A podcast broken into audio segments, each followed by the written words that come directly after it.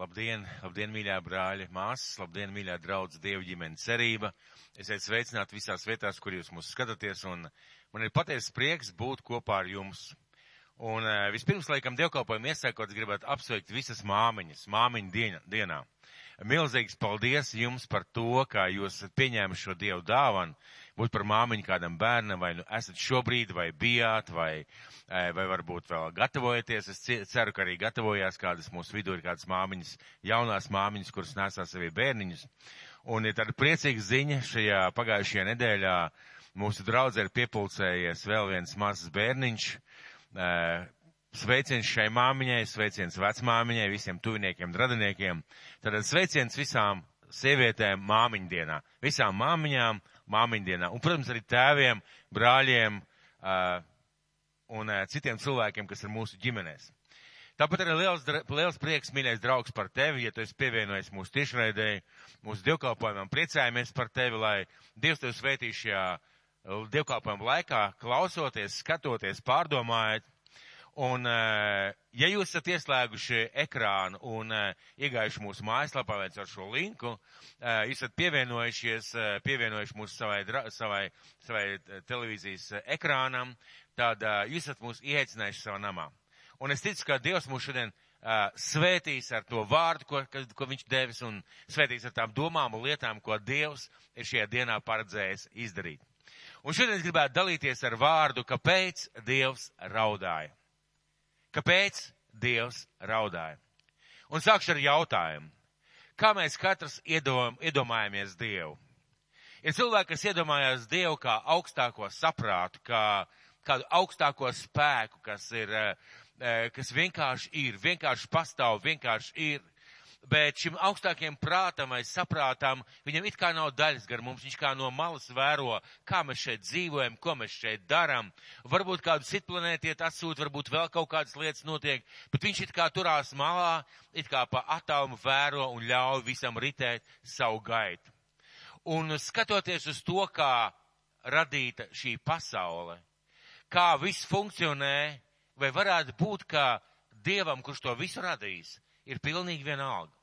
Ieguldīt tik milzīgus resursus, līdzekļus, izdomu, lai pēc tam vienkārši ļautu tam visam tā noritēt, tā notikt, vienkārši virzīties, kā nu cilvēks izdomā, vai kā cilvēki dzīvo. Vai varētu būt, ka viņam nav nekādas daļas? Viņš vienkārši radīja un viss, vai tā varētu būt? Tad jau tam visam nav jēgas tad tam visam nav jēgas, un tad ir uh, pamatot šie vārdi, mēs dzīvojam, lai ēsta, un ēdam, lai dzīvoja. Bet mūsos iekšā ir ielikts kaut kāds dzinuls, stimuls, kaut kāds, kas runā par kaut ko pretējo.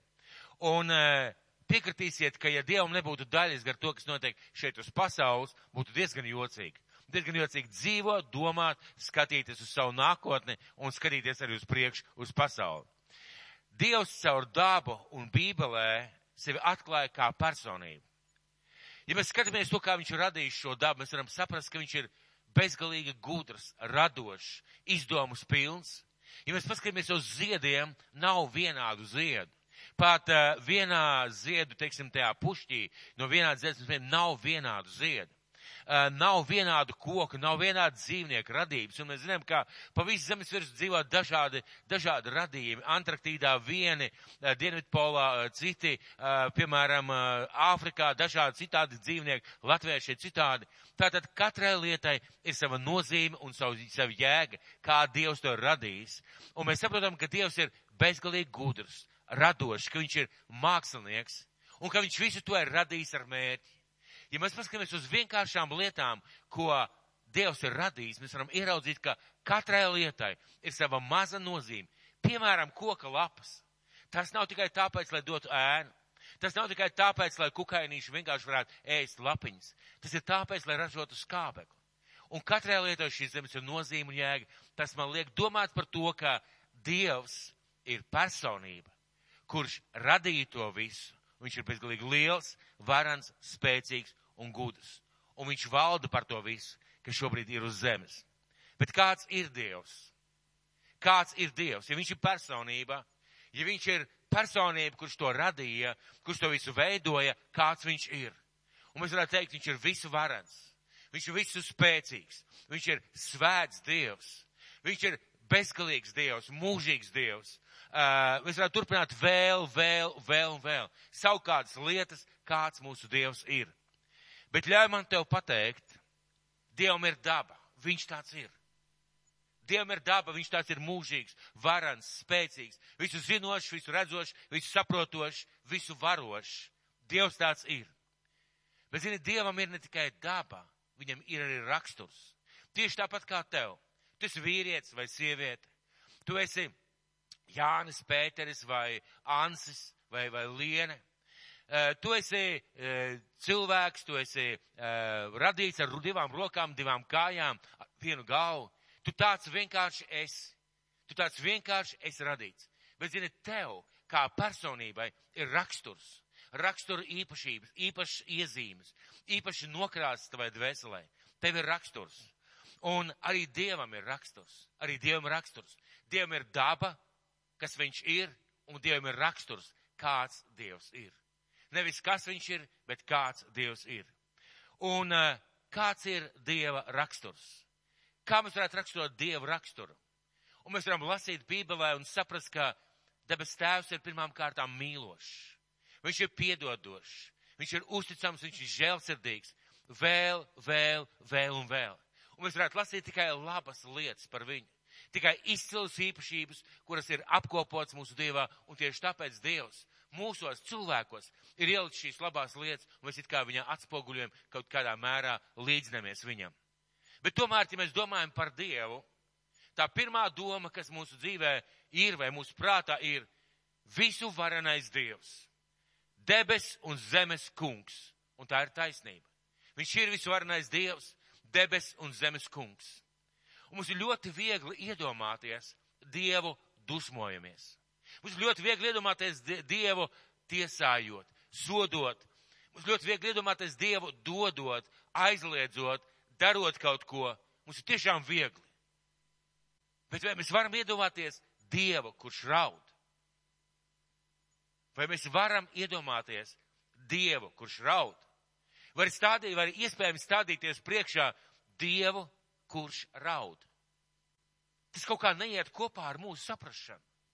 Tas kaut kā neiet ar to, kopā ar mūsu domu, kā mēs domājam par lietām, par visu varu no Dievu. Bet Dievs, kurš raud, vai Dievs vispār ir spējīgs raudāt? Tāds kāds viņš ir, vai viņš ir vispār spējīgs raudāt? Ziniet, un Dievs ļoti vēlās, lai mēs viņu iemīlam. Dievs nekad nav teicis vienkārši akli paklausiet, vienkārši akli sekojiet.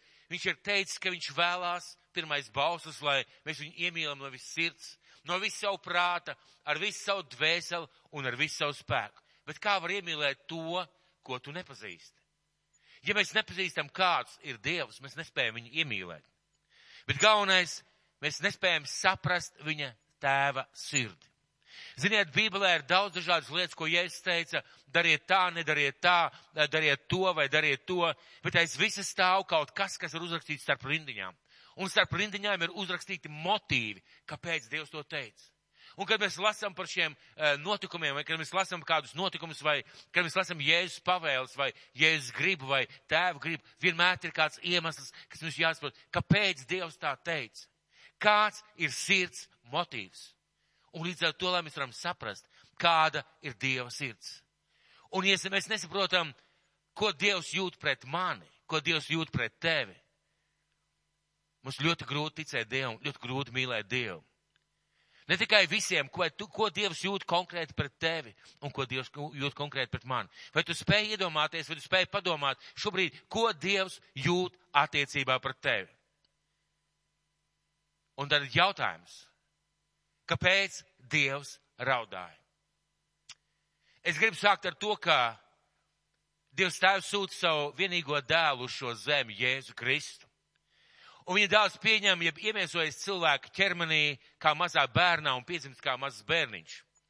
Uh, un izaug Izraels zemē, viņš staigā pa šo zemi, viņš māca cilvēkiem, viņš sludina, viņš dziedina slimus cilvēkus, viņš izdara ļaunus garus, viņš māca gudrības vārdus, un cilvēki ir pārsteigti par viņu mācību. Un cilvēki redzot, kā viņš runā par Dievu, Cilvēks skatoties uz viņa kalpošanu, uz viņa darbiem, cilvēki pēc zīmēm, ko viņš dara, pēc viņa mācības, viņa mācekļi saprot, ka Jēzum ir kaut kas ļoti tuvs un kopējs ar debes tēvu. To, kā viņi, ko viņi tajā laikā sauc par Jahvi. Ir kaut kāda ļoti tuva saite, jo daudzkārt tiek apliecināts, ja Dievs nevar cilvēku, neviens cilvēks nevar tādas lietas darīt. Neviens cilvēks nevar tādas lietas darīt.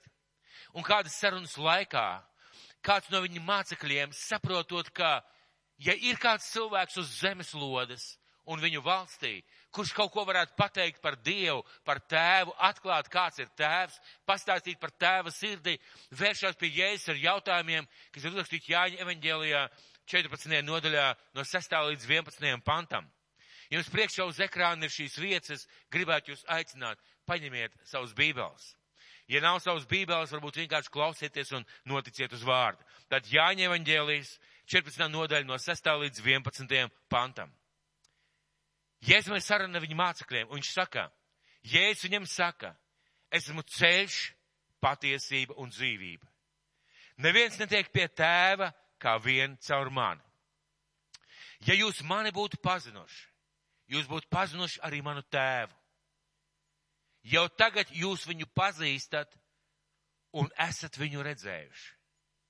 Un es domāju, ka šajā mirklī mācekļiem iestājās tāds neliels šoks redzēt Jahvi, visu vareno, visu spēcīgo Dievu, redzēt debesu tēvu, debesu, debesu radītāju. Un Filips, kā varbūt viens no drosmīgākiem, saka, Filips viņam saka, kungs, rādi mums tēvu, tad mums pietiek. Jēzus viņam saka, tik ilgi es jau esmu pie jums, un tu vēl neesi mani sapratis, Filip, kas mani ir redzējis, tas ir redzējis tēvu. Kā tu vari sacīt, rādi mums tēvu?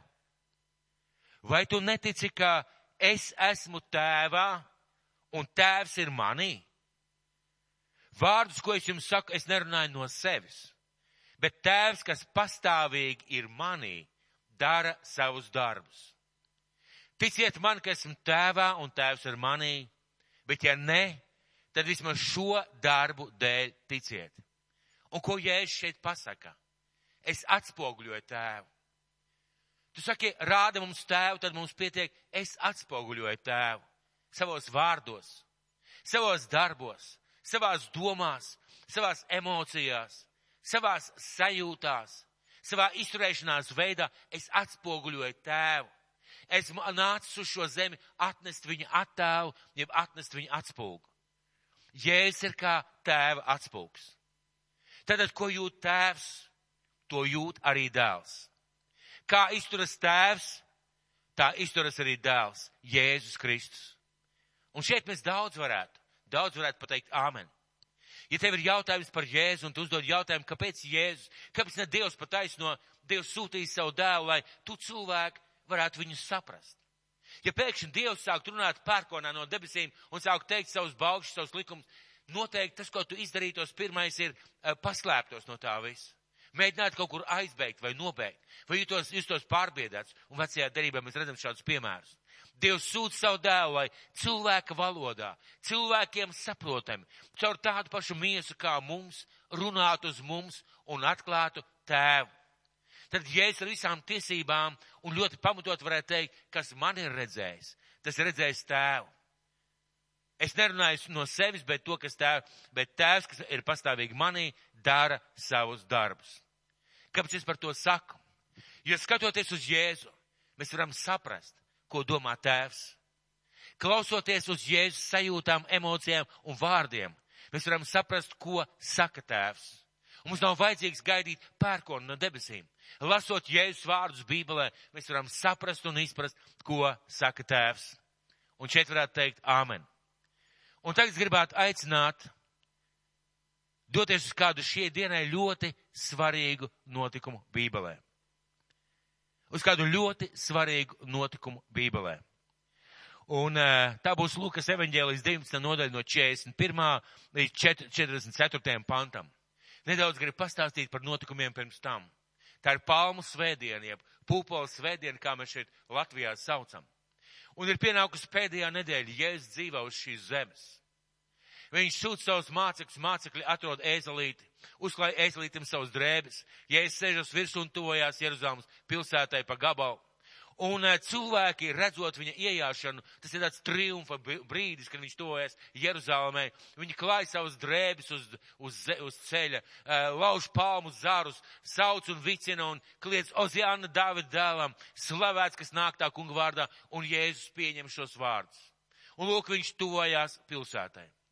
Un sākot no 40, sākot no 41. panta. Un pienācis tuvu pils, tuvu pilsētai. Un pienācis tuvu, viņš pilsētu ieraudzījis, raudāja par viņu. Un sacīja, kaut arī tu šodien zinātu, kas tev pie miera vajadzīgs. Bet vēl tas ir apslēpts tavām acīm. Jo nāks dienas pār tevi, kad tevi ienaidnieki ap tevi cels nocietinājumus, tevi ielenks un no visām pusēm spaidīs. Tie tevi nopostīs līdz pamatiem un tavus bērnus, neatstādami no tevis akmeni uz akmens. Tāpēc, ka tu neesi atzinus savu apžēlošanas laiku. 41. pants, varbūt vēlreiz. Un pienācis tuvu, viņš pilsētu ieraudzījis, raudāja par viņu. Pamēģināsim iedomāties paties triumfa brīdis. Jēzus tojās pilsētai un cilvēki ir sajūsmināti. Viņi kliedz Ozeāna, Dāvida dēlam. Viņi sagaida, ka tūlīt atnāks e, šī dievu valstība, ka viss mainīsies, ka Romas impērija tiks sakauta un kad atkal viņi varēs būt brīvi. Un viņi slavē Jēzu un ir tāds patiesas triumfa un sajūsmas brīdis. Un Jēzus pietuvojās pilsētai tā, ka viņš ierauga pilsētu. Esmu bijis uz Eļas kalna. Fantastisks skatījums bet tā ir šī laika pilsēta lielākā daļā. Tajā laikā pirmais, ko varēja pamanīt, bija šis te baltais, jeb sniegbaltais dieva pielūgsmes templis. Jēzus ierauga pilsētu un viņš raud. Un ziniet, tas nebija tādas vienkārši asaras, tādas asariņas uz vai, kas vienkārši noritēja. Tas bija kaut kas vairāk nekā vienkārši raudāšana vai vienkārši asaras. Šis te bībeles teksts mums saka, un uh, vēsturnieki, kad ir skaidrojuši un meklējuši saprast šo vietu, viņi saka, ka tur ir kaut kas vairāk. Iet runa, kā Jēzus raudāja no sirds dziļumiem. Ka viņš sargā, raudāja ar pilnīgi salauztu sirdi. Mēs varam raudāt dažādi. Mēs varam raudāt tumšas, melnas asaras, kad mums ir žēl par to, ka mūsu cilvēki neievēro. Kad varbūt žēl, ka mums tā neizdodas. Kad varbūt cilvēki mūs neatzīst, tumšas, melnas, rūktas asaras. Mēs varam būt nedaudz noskumuši par kādām lietām, paraudāt kaut kādu emociju izplūdā. Bet, ziniet, mēs varam raudāt no dvēseles sāpēm. Mēs varam raudāt tā, ka patiešām dvēsele liekas griežās ārā. Mēs varam vaimināt par kādām lietām. Mums var lūst sirds. Un, ziniet, tā raud tēvs un māte. Kad bērni kādā reizē pēc kāda strīda vai konflikta aizcer durvis un pasaka, tu neesi vairs mans tēvs un mana māte. Tā raud, tā raud bērni, tā raud vecāki, kad bērni aizgriežas prom no saviem vecākiem. Tā raud bērni, kad viņi pavada savus vecākus, kuriem vēl, kuriem vēl bija vajadzīgi, kuri viņiem bija vajadzīgi, kuri bija nepieciešami vajadzīgi viņu dzīvē, pavadot mūžībā, ja, ja vecākiem kaut kas, diemžēl, notiek. Un daudz mums ir bijuši tādās bērēs, kad bērni pat reizēm neatnāk uz bērēm. Viņi vienkārši nespēja, jo viņu sirds tur salūst pie šī kapa. Tā raud vecāki kad pāragri bijušie bērni tiek apglabāti ar jautājumu, kāpēc, kāpēc, kāpēc? Tas nav taisnīgi. Tā raud sieva vai vīrs, kad zaudē savu mīļoto cilvēku, ar kuriem pavadīti brīnišķīgi un lieliski gadi. Un tās nav pāris asariņas uz vaiga, kas norit kā teātri vai kā kinofilmā par kādām lietām, kas tiek uzspēlētas. Nemīļie draugi, tā ir sirds lūšana. Un Jēzus tādā veidā raudāja par pilsētu. Tādā veidā raudāja par pilsētu. Ziniet, Jēzus bija ļoti vīrišķīga personība. Reizē mēs vīrieši domājam, kā būt vīrišķīgam, kā varbūt rīkoties tā, kā Jēzus būtu rīkojies, kādam jābūt īstam vīrietim. Īsta vīrieša simbols, ja te varētu teikt, ir Kristus. Mēs tā varam ieraudzīt. Pirmkārt, viņš bija vīrietis, otrām kārtām viņš ir personības, ko vērts skatīties. Jēzus bija ļoti vīrišķīgs cilvēks. Viņš neraudāja, ka viņa tuvinieki nepieņēma. Viņš neraudāja, kad uh, viņu apsūdzēja sadarbībā ar vēlnu. Viņš neraudāja, kad viņš gāja ģecemenes dārzā cīnīties par to, lai viņš spētu iet uz šo Golgāts krustu. Mēs varam lasīt, ka viņš šajā ģecemenes dārzā uh, lūdza tik smagi un tik nopietni, kā, ka sviedru lās, kā asinslās pilējuši šīs zemes. Varbūt pilnīgā bezspēkā un uh, varbūt pagurumā un, un bailēs. Bet mēs nelasam, ka viņš raudāja. Viņš neraudāja. Kad viņu pēra un sit šajā te Poncija Pilāta tiesā. Viņš neraudāja, kad viņam bija jānes šis e, krustus Golgāts kalnu. Un viņš neraudāja, kad viņu piesita Golgāts kalnā pie krusta. Viņš neraudāja.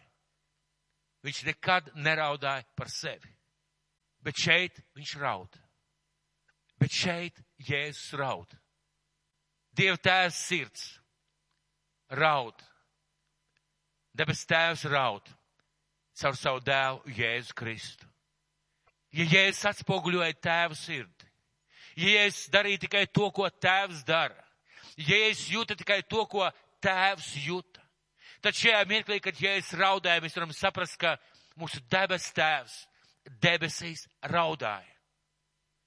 Vai tu spēj iedomāties? Dievs debesīs raudāja, skatoties uz šo pilsētu. Un vārdi ir pilsētu ieraudzījis. Viņš sāka raudāt. Kāda bija šī pilsēta? Jeruzalem bija viena no nesalīdzinām pārākajām pilsētām par daudzām, daudzām citām. Baltais templis, kas bija uzbūvēts Dievu pielūgsmēji, viena no skaistākajām celtnēm tā laika pasaulē. Vispār uz zemes. Viņa bija izrotāta, šis te templis bija izrotāts ar zeltu, krāšņumu, ar dārgakmeņiem. Tur notika krāšņa pielūgsme, un šī pilsēta, varētu teikt, bija diezgan bagāta, ja bagāta. Tur bija aktīva dzīve, cilvēki pirka, pārdeva, precējās, audzināja bērnus, dzīvoja savu dzīvi. Tā kā mēs šodien. Tā kā mēs šodien, mēs dzīvojam savu dzīvi. Mēs priecāmies par Rīgu, mēs priecāmies par kādu pilsētu, kurā mēs dzīvojam. Mums ir daudz par ko priecāties, bet mēs šajā pilsētā dzīvojam savu dzīvi. Un ja es skatās uz Jeruzalem un raud. Bet gribu pateikt tev kādu lietu. Jeruzalem ir simbols cilvēkam. Jēzus neraudēja tikai par celtnēm. Viņš neraudēja tikai par mājām, par templi. Patiesībā viņš raudāja par cilvēkiem. Un Jeruzalem ir simbols cilvēkam. Jeruzalem ir simbols tev. Jeruzalem ir simbols cilvēkiem, kas ir apkārt. Varbūt tavā dzīvē ir daudz dažādu lietu. Pilna viņai varbūt ir visādām lietām. Dzīvē viss kūsā, viss notiek, tev ir plāni, tev ir domas, tev ir idejas. Jautājums. Kāpēc Jēzus raudāja par šo pilsētu? Kāpēc viņš raudāja par šo pilsētu? Viņš tojās pilsētā, viņš ierauga pilsētu un viņš raud. Vai ir jāraud par tik skaistu, brīnišķīgu pilsētu? Vai ir jāraud par cilvēkiem, kur dzīvo šajā laikā pārticībā, zināmā mērā, zināmā mērā tādā stabilitātē, vai ir jāraud? Kāpēc Jēzus raudāja? Un 42. pants. Un sacīja, kaut arī tu šodien zinātu, kas tev pie miera vajadzīgs. Bet vēl tas ir apslēpts tavām acīm. Kaut tu zinātu, kas tev pie miera ir vajadzīgs. Kaut mēs zinātu, kas mums pie miera ir vajadzīgs. Kas mums priekš miera ir vajadzīgs. Kaut tu zinātu, kas tev priekš miera ir vajadzīgs. Viņi gaidīja mieru. Bet ziniet, kā viņi gaidīja mieru?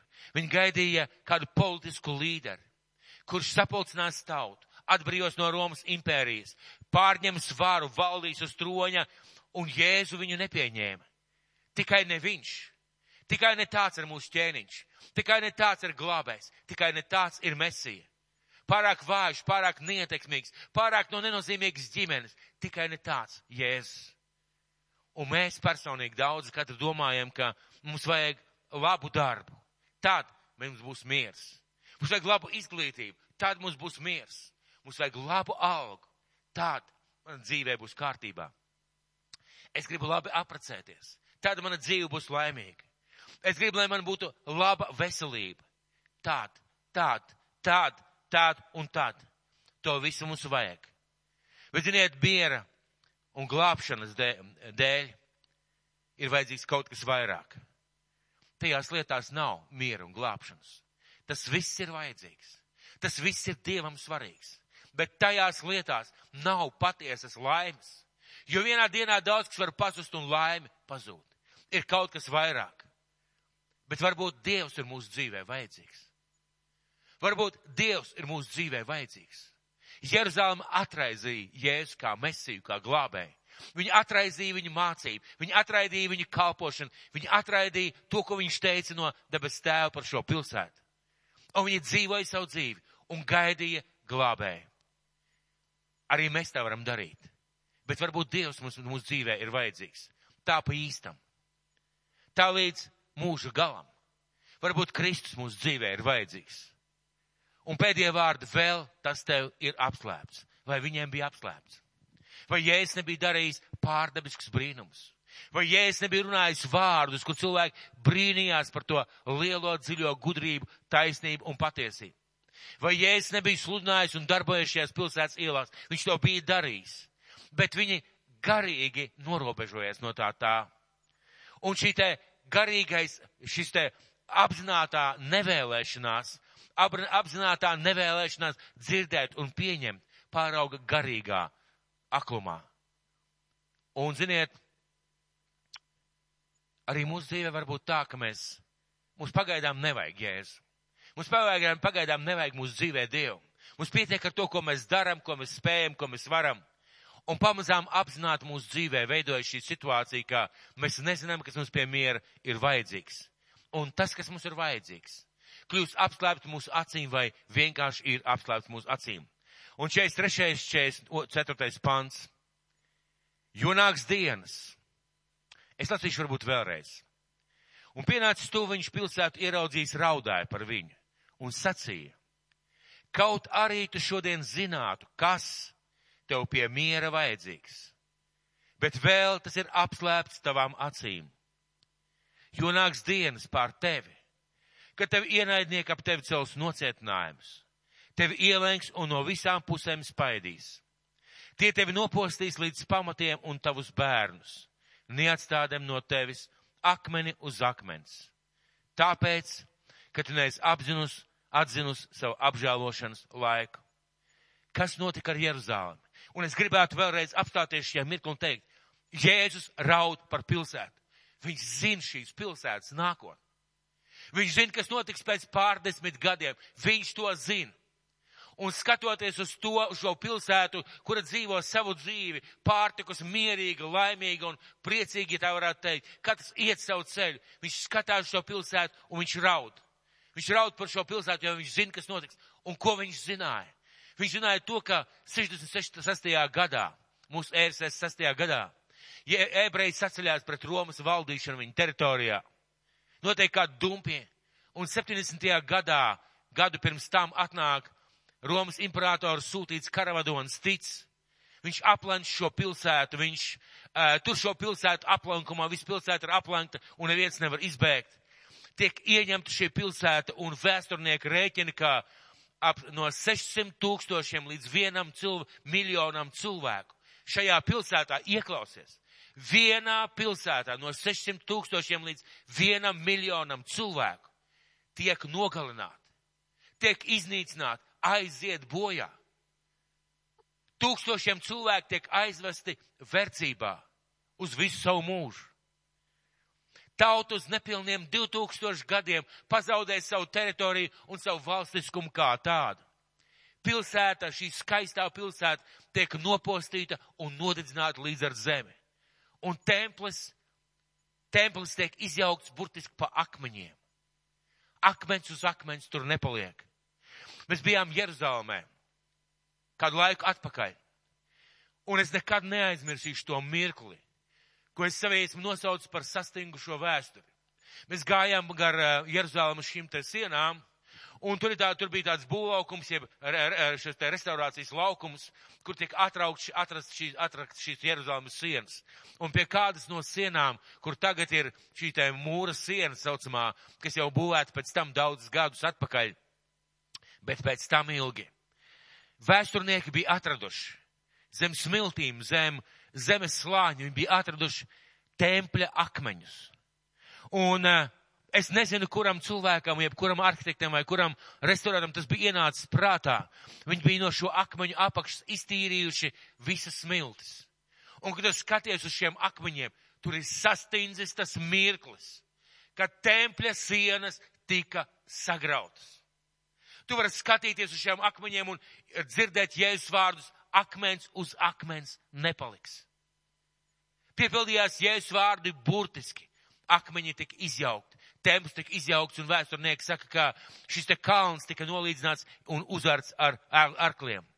Kāpēc? Kāpēc vai tas tā vienkārši bija nolikts? Vai tas bija liktenis? Vai tā tam vajadzēja notikt? Nē. Un atbildi ir pēdējā panta 44. panta pēdējā daļā. Tie tevi nopostīs līdz pamatiem un tavus bērnus, neatstādam no tevis akmeni uz akmens.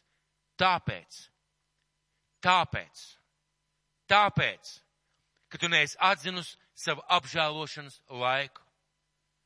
Tāpēc, ka tu neesi atzinus savu apžēlošanas laiku.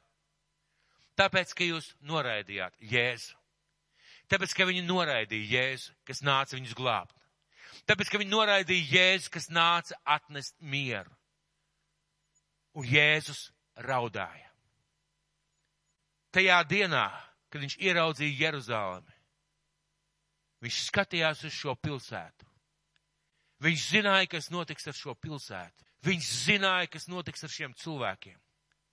Viņš zināja, kas notiks ar šo naudu, eh, šo tautu. Un viņš raudāja. Un debesu tēvs raudāja. Viņš zināja, kas nāks par šiem cilvēkiem. Viņam bija bezgalīgi žēl. Dieva sirds lūza. Reizēm cilvēku uzdod jautājumu, vai ir kaut kas, ko Dievs nevar? Ir. Un zini, kas tas ir?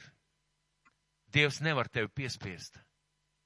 Viņu pieņemt tev par kungu. Dievs nevar tevi salauzt un piespiest tevi pieņemt viņu par kungu. Dievs to nevar. Jēzus izdarīja visu. Viņš atnāca ar zīmēm, ar brīnumiem. Viņš atnāca ar pārdebiskām dziedināšanām. Viņš atnāca ar mācību no debes tēva. Viņš darīja lietas, ko neviens cilvēks uz pasaules nekad vēl nebija darījis pasaules vēsturē. Un viņi pateica, nē, mums tādu jēzu nevajag. Un ja es zināju, kas notiks ar šiem cilvēkiem, viņš skatījās un viņš raudāja. Un viņa sirds lūza. Zini, mīļais draugs, tu šodien dzīvo, šodien priecājies. Tu varbūt par kaut ko esi noskumis, Varbūt tev ir kādas grūtības, varbūt tu lauzies varonīgi kaut kam cauri un pieņem lēmumu iet uz priekšu. Varbūt tu padodies, lai vai kā tu dzīvo savu dzīvi. Bet ja tu nepieņem Jēzu no savas sirds un pa īstam, kā savu glābēju, tu gaidi ko citu, tu novērsies, bet ir pienāks diena. Pienāks diena tavā dzīvē kā Jeruzalemē, kad uh, visam, ko, kas ir tavā dzīvē, tiks uzbrukts. Visam, kas tu esi, sašķodīsies pamata. Visam, ko tu esi cēlis savā dzīvē, būs pārbaude. Un tas viss izrādīsies mazsvarīgi. Un tev nebūs, kas tevi glābi. Tev nebūs, kas tevi aizstāv. Tev nebūs tā vissvarīgākā. Varbūt šodien tu mani klausies un domā, es vēl pagaidīšu. Man vēl ir laiks. Šie cilvēki domāja tieši tāpat. Jēzus skatījās un raudāja. Viņš zināja, ar ko beigsies. Zini, Dievs varbūt šeit skatās uz tavu dzīvi, kā tu dzīvo, kas notiek tavā dzīvē. Un e, tieši tāpat kā Jeruzalem, tas ir simbols, tā ir līdzība. Pienāks diena, ka tavā dzīvē viss tiks pārbaudīts, kas ir tā vērts un kas nav tā vērts. Un izrādīsies, ka tik daudz, ko tu esi cēlis un taisījis, ir diezgan mazsvarīgs, un tas nebūs svarīgs tavai nākotnē. Esmu dzirdējis kādu līdzību. Pat ne kādu līdzību, bet kādu stāstu. Un es esmu daudz piedzīvojuši tādas lietas savā dzīvē. Tiem cilvēkiem, kas tic Kristum, ir daudz savādāk. Bet uh, tu aizej uz slimnīcu. Pirms es kļuvu ticīgs, man arī bija līdzīgas situācijas. Es aizēju uz slimnīcu. Es aizēju pie kāda cilvēka, un tu zini, to cilvēku ir slikti. Un tad viss, visvienkāršākie vārdi, ko pateikt. Nu, tu vienkārši turies. Atļauj man tev pajautāt, ka tavā dzīvē ienāk lielas, lielas problēmas. Ka tavai dzīvei un tavai dzīvībai draud briesmas. Un kāds tev atnāk, saka, tu turies.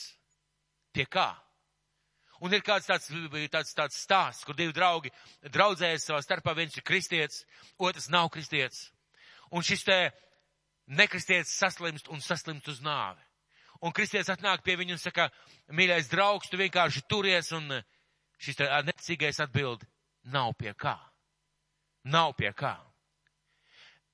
Es gribu teikt, tev, mīļais draugs, tā. Šis stāsts par Jeruzālēm, par to, ka Jēzus raudāja par Jeruzālēm, ir stāsts par tevi par tavu dzīvi, par to, kā tu dzīvo. Un tajā dienā, kad eh, tava elpa apstāsies, būs svarīgi tikai viens. Vai Jēzus ir tavs kungs? Vai viņš ir valdījis tavā dzīvē, vai viņš ir bijis tavs kungs un tavs glābējs? Vai viņš ir tavs kungs tavā Jeruzālēmē šodien? Izrādīsies svarīgi tikai viena lieta. Un ja es šodien skatās uz tavu dzīvi un iespējams raud, zini kāpēc? Zini, kāpēc iespējams viņš raud? Viņš zina tavu nākotni. Viņš zina tavu nākotni. Tu to nezini. Tur iedomāties viskaistākajās krāsās vai visdrūmākajās krāsās, bet tu nezini savu nākotni. Jēzus zina tavu nākotni. Un ļoti iespējams viņš skatās un viņš raud. Viņš ir izdarījis visu, viņš ne tikai raudāja, viņš izdarīja visu, ko varēja izdarīt, lai cilvēki tik glābti. Viņš nomira par tevi un par mani. Viņš samaksāja par mūsu grēkiem. Viņš cēlās augšā. Viņš kļuva par durvīm, kas ved pie mūsu debes tēva. Bet ļoti iespējams, ka mēs nevēlamies. Bet ļoti iespējams mēs domājam vēlāk. Ļoti iespējams mēs domājam, ka ticība Kristum ir domāta kādiem vājiem un nevarīgiem cilvēkiem. Mīļais draugs, man grib tev teikt taisnu otrādi. Ticība Kristum ir vajadzīga ikvienam cilvēkam. Ikvienam. Jo pienāks diena, kad mēs nostāsimies Dievu priekšā. Un visa mūsu skaistā, brīnišķīgā Jeruzaleme, tie tempļi, ko mēs esam sabūvējuši, tie plāni, kurus mēs esam būvējuši, izrādīsies tik mazsvarīgi. Salīdzinājumā ar to, vai tavā dzīvē un man, manā dzīvē ir bijis Jēzus. Un šodien iespējams Jēzus skatās uz tevi un raud. Jo tu saki, varbūt vēlāk, varbūt kādreiz. Un es ticu, Dievs šodien tev gribētu pateikt kādus vārdus. Kādus vārdus no Bībeles, ko viņš teica kādai sievietei. Un Jāņa evaņģēlijā 11. nodaļā ir tādi vārdi, bet Jēzus viņai sacīja, es esmu augšām celšanās un dzīvība, kas man tic, dzīvos, arī ja tas mirs. Un ik viens, kas dzīvo un tic man, nemirs nemūžam. Vai tu to tici? Vai tu to tici? Vai tu to tici? Ka ik viens, kas tic Jēzum, dzīvos, arī ja tas mirs. Vai tu to tici? Vai šodien Dievs skatās uz tevi, uz tavu dzīvi un raud? Un iespējams, ka viņš tieši šodien gaida. Vai tu viņu pieņemsi? Vai tu viņu notic, viņam noticēsi? Vai tu ieraudzīsi šajā stāstā par Jeruzalemi sevi? Un es gribētu teikt, šie cilvēki Jeruzalemē, viņi jūtās tik apmierināti, tik gudri, tik zinoši, tik valdoši pār savu dzīvi, jo viņi nezināja nākotni. Ja es zināju un raudāju. Šodien, ja es skatās uz tavu dzīvi un viņš jautā, un viņš domā, vai tu viņu pieņemsi, vai tu viņam noticēsi, un es ticu, ka Dievs šodien runājas uz tevi. Gribētu vērsties pie jums kristieši. Jēzus ieraudā, ieraudzījis pilsētu, raudāja. Viņa sirds lūza. Skatoties uz tiem cilvēkiem, kas tuvojās savai pazušanai. Vai tev redzot cilvēkus, kas iet pazušanā, lūst sirds? Vai tu jūti bezgalīgi skumjas, tā kā Jēzus jūtas šīs skumjas par tiem cilvēkiem, kas gāja bojā? Vai tava sirds raud par tiem cilvēkiem, kas ir tev apkārt? Par taviem tuviniekiem, par taviem radiniekiem? par tiem cilvēkiem, kas ir tavā darbā, par tiem cilvēkiem, kas ir tavu kaimiņu. Vai tev sirds sāp par cilvēku dzīvi? Vai tev sāp tas, ka viņi aiziet bojā? Vai tu būvēji savu mazo pasaulīti? Savu mazo lielisko brīnišķīgo pasaulīti, kurā esi tu un visi tavu plāni un tavs mazais personīgais privātais dieviņš. Zini, Dievs ne tikai raudāja. Jēzus ne tikai raudāja. Viņš nomira par cilvēku grēkiem. Viņš samaksāja. Viņš izdarīja visu, ko viņš varēja. Mēs daudz dzenamies pēc svētuma. Zini, kas ir svētums? Svētums ir atdalītība no grēka, bet svētu dzīvi nevar nodzīvot. Ja tev nerūp cilvēku dzīve, svētu dzīvi nevar nodzīvot, ja tavā dzīvē nav sāpes par cilvēku likteņiem. Svētu dzīvi nevar nodzīvot. Un es gribētu tev šodien aicināt uz radikālu lūkšanu. Uz ļoti, ļoti radikālu lūkšanu. Un, ziniet, lūkšanai saruna. Vai mēs varētu vērsties pie Dieva ar kādu sarunu, un es tev pateikšu priekšā tos vārdus, vai par ko es tev gribētu aicināt lūgt? Ja mēs redzam Dievu vārdā, ja mēs redzam Bībelē, ka Jēzus raudāja par cilvēkiem, mums vajadzētu būt tādai pašai sirdī. Mums vajadzētu būt tādai pašai attieksmē. Mums kristiešiem vajadzētu būt tādai pašai reakcijai, kā bija Jēzum. Un tad, lai ir svētums un viss pārējais. Un es gribētu tev lūgt, aicināt uz lūgšanu par tādām lietām. Par ko lūgt? Lūkšanā teikt vārdus, lai Dievs salauž manu sirdi, lai es raudu par to, par ko Dievs rauda, lai man sirds sāp par to, par ko sāp Dieva sirds, lai es daru to, ko Jēzus grib caur manu dzīvi darīt. Vai tu esi gatavs lietot šādus vārdus? Vai tu esi gatavs lūgt kopā ar mani Dievs salauz manu sirdi? lai man sāp sirds par to, ko sāp tavu sirds. Lai man ceļi ir tavi ceļi. Lai man rūp tas, kas rūp tev. Vai tu esi gatavs šajā mirklī lūgt? Bet es gribu tev brīdināt. Es gribu tev brīdināt. Tā ir nopietna lūkšana. Tas nav vienkārši noskaitīt pantiņu. Tas nav vienkārši kaut ko paprasīt Dievam, iedos vai nedos. Tas nozīmē atvērt savu sirdi. Un no sirds teikt, Dievs, es atdodu tev savu dzīvi tā, lai tavas sirds sajūtas būtu arī manas sirds sajūtas. Un ļoti iespējams, tas var maksāt, ka Dievs lauzīs mūsu dzīves un mūsu sirdis. Bet vai tu būtu gatavs šodien tā lūgt? Un es gribu aicināt tevi uz lūgšanu. Es gribu aicināt tevi uz lūgšanu. Mūsu debes tēvs, mēs nostājamies Dievs tavā priekšā, tava dēla Jēzus Kristus vārdā. Un tu esi teicis, Dievs, ko jūs lūgsiet, to jūs arī dabūsiet. Un mīļais kungs, šodien es gribētu pats par sevi lūgt un par tiem cilvēkiem, kas šobrīd man skatās. Debes tēvs, salauz tu mūsu sirdis. Salauz Dievs tu manu sirdi. Debes tēvs, lai mana sirds raud par ko raud tava sirds. Lai man rūp tas, kas rūp tev. Lai man sāp tas, kas sāp tev. Debes tēvs, veid mani pa tiem ceļiem, pie tiem cilvēkiem, par kuriem tu raudi.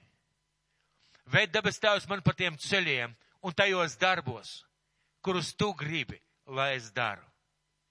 Mīļais debes tēvs, apzinoties pilnu atbildību par saviem vārdiem.